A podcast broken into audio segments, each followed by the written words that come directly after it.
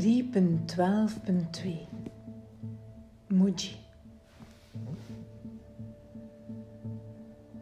Met mijn eetschotel, een bord vol groente en een kom soep liep ik naar het altaar van de Parnassuskerk. Een barokkerk in Gent die als gewezen kerkgebouw onder meer dienst doet als sociaal restaurant. Hussein zat in de middenbeuk zijn bord voor een hongerloon leeg te eten en hield me tegen toen hij me zag. Liever had ik in het moment gebleven waarin Gods hand me vol humor door zijn nieuwe eetplaats leidde.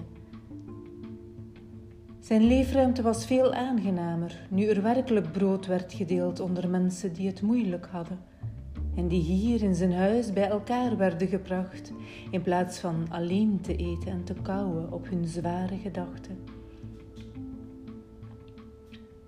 Wacht even, zei hij, net voor ik het altaar bereikte. Ik wil je iets tonen. Misschien helpt het je met je migraine. Of misschien zal je ze op zijn minst beter aankunnen. Misschien zal je alles beter begrijpen.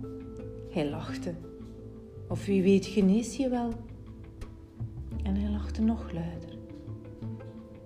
Een beetje onzeker, als een kind dat voor het eerst alleen verder gaat, liet ik God Hans los. De betovering was verbroken.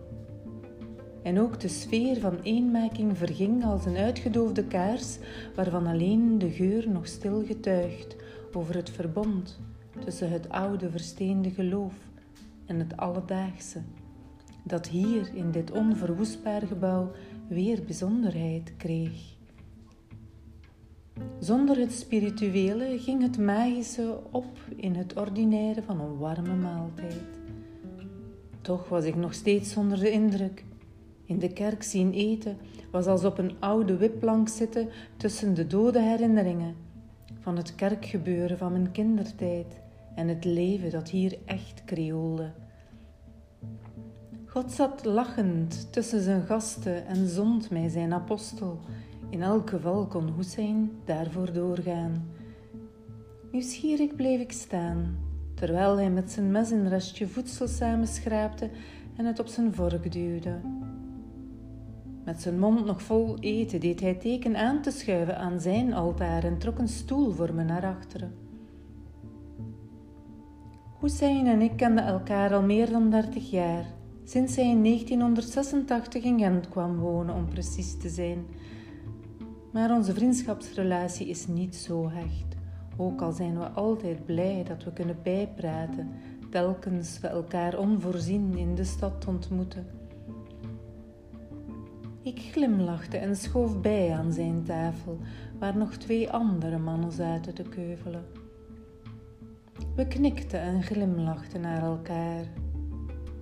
Hussein spoelde met een vol glas water zijn laatste hap door en in, in mijn hoofd speelde het bijgeloof al volop op.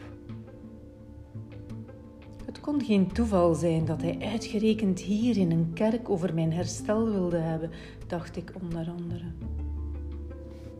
Ik wilde maar al te graag geloven dat mijn genezing zich nu meteen in het huis van God zou voltrekken. Hoopvol verwachting opende ik mijn mond om een lepel soep te nemen, die al lauw was geworden. Maar nog voor ik mijn lepel op liphoogte had, opende Hussein de boodschap die hij voor me had en die verlossing moest brengen. Samen keken we even naar een filmpje op YouTube. Een dikke man met lange rastas zat op een podium. Hij had het over mind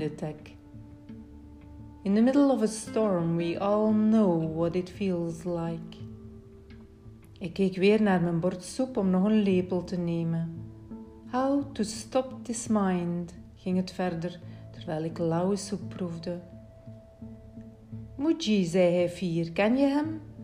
Hij zette het filmpje uit. Nee, antwoordde ik, maar toonde geen interesse. Muji is een Jamaicaan die door duizenden als een spiritueel leider wordt geprezen. Hij keek me aan, glimlachend zoals heiligen op hun iconen, en wachtte op mijn reactie. Nooit van gehoord, zei ik terughoudend. en ik wilde aan mijn lunch beginnen. Ik had het niet hoog op met het gezeik van goeroes en bracht mijn vork, die een paar prinsessenboontjes hadden doorkliefd, op hoogte. Ik zag hoe verbouwereerd hij was. Ik ontgoochelde hem. Zijn heilige glimlach op zijn kalme gezicht veranderde. Maar hij gaf niet op en duwde mijn arm omlaag. Krishnamurti ken ik wel, ik heb zelfs een boek van hem gelezen. Heel interessant. Een boek over liefhebben, kan dat? het is lang geleden. Oh, uh, it is no measure of health to be well adjudged, adjudged to a profoundly sick society. Van Murti, zei ik, om hem te troosten en om er vanaf te zijn. Een quote van hem. Ik glimlachte tevreden dat ik hem onthouden had. Zijn blik brandde en ik veinsde een heel klein beetje schaamte, omdat ik zijn guru niet kende. Maar Murti heeft al lang afgedaan, zei hij. En hij haalde daarbij zo zijn schouders op, alsof hij iets leerde aan een kind dat het maar niet begreep. We zitten in een ander tijdperk. Het besef wordt groter. Muji is de profeet. Hij overtreft echt alles en iedereen. Murti is maar een kleuterjuf. Ik had het anders wel voor Murti. Hij was als een wilde, eenzame bij. Een wijze man die zelfstandig nadacht over filosofische vraagstukken en bij geen enkele strekking leek te willen horen. Eindelijk begreep Hussein dat ik hongerig was naar vast voedsel en niet hunkerde naar Muji. Hij liet me eten en stuurde me het filmpje gewoon door. Het was een filmpje zoals er wellicht duizenden andere op het internet te vinden zijn. Ik zal het later zeker bekijken, zei ik maar daarna vergat ik Moetje snel. Pas weken later bekeek ik de opname, maar zat meteen voor maanden aan die Jamaicaanse lippen van Muji gekluisterd. Eerst was er de herkenning. Het waren mijn eigenste gedachten die hij in filosofische benaderingen met andere zoekers besprak ingevingen die ik in meditatieve momenten had ervaren. Dat was op zijn minst merkwaardig, het had iets magisch. Iedereen stelde maar vragen en hoe meer ik naar de antwoorden luisterde, hoe intenser de herkenning en hoe gehechter ik aan zijn uitleg over onthechting raakte. De charismatische grapjes haalden alles uit de kast. Hussein had gelijk. Er was echt iets heel bijzonders aan Mr. Muji. Zijn vloer, diep warme stem stemde me rustig. Zijn hele houding stelde mij op mijn gemak. Mijn houding, die vaak als een rode lap op een stier anderen had opgejaagd, leek in zijn gedachtegoed zin te krijgen. Zijn leer van het non-zelf was erop gericht het hele circus los te laten. Ineens was het zo eenvoudig om alles te relativeren. Hij spoorde ons aan minder waarde te hechten aan de geest en onze gedachten, die volgens hem een slaaf van ons maken. Hij leerde ons kijken naar al die verlangens die ons dwongen en ons steeds meer inpalmden. De slingerbewegingen die ik als een aap maakte om in te passen in de systemen hadden vooral mijn ego en mijn persoontje gevoed. Ik besefte hoe slaafs ik was aan al mijn gedachten, aan een aanhoudende veranderlijkheid. Wat allemaal voer voor egoïsme en arrogantie en angst was. Ik stond op een afstand van mezelf naar al mijn ideeën te kijken die zich steeds gretig hadden opgedrongen en zwollen tot verwaandheid, omdat mijn hoofd daar zo'n belang aan hechtte.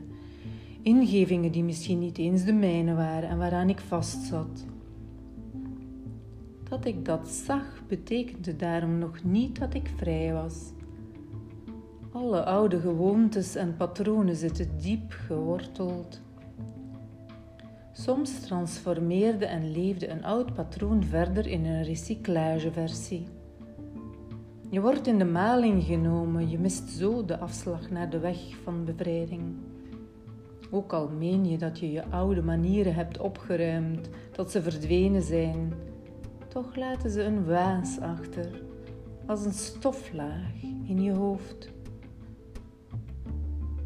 De naald waarmee Muji in zijn gesprekken prikte, doorprikte ook de, de illusies die ik had verzameld. Thema's als liefde en vriendschap spatten als zeebellen open en mijn verwachtingen naar anderen bezwaarden me veel minder. Aanhoudende gereutel in mijn hoofd werd geobserveerd. We moesten ze gewoon niet geloven, die gedachten, ze minder gebruiken en op het zelf vertrouwen. Het ware zelf was waar hij ons hebben wilde. Zijn warme stem vibreerde sterk met wat ik herkende.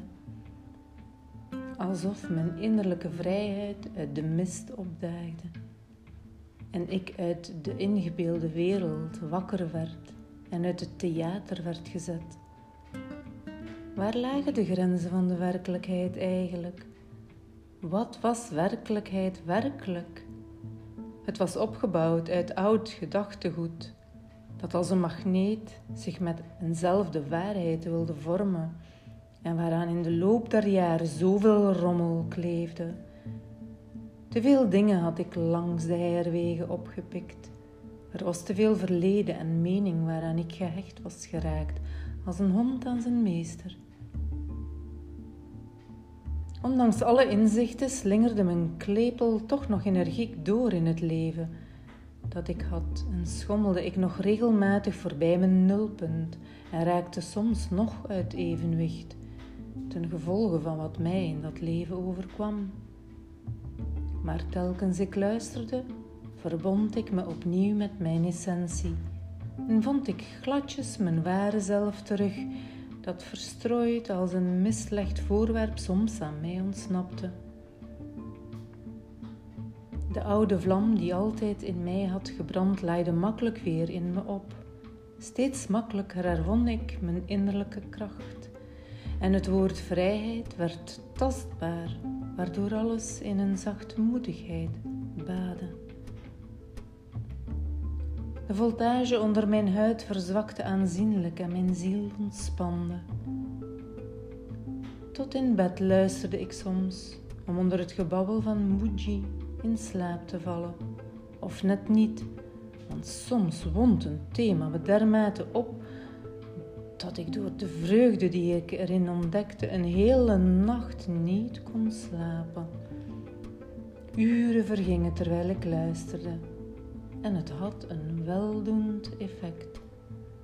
Ik loste grip, mijn beet verslapte, mijn waakhond ontspande en de dingen die ik anders altijd stevig onder controle wilde houden, kregen meer ruimte. Ik raakte gehecht aan de gesprekken.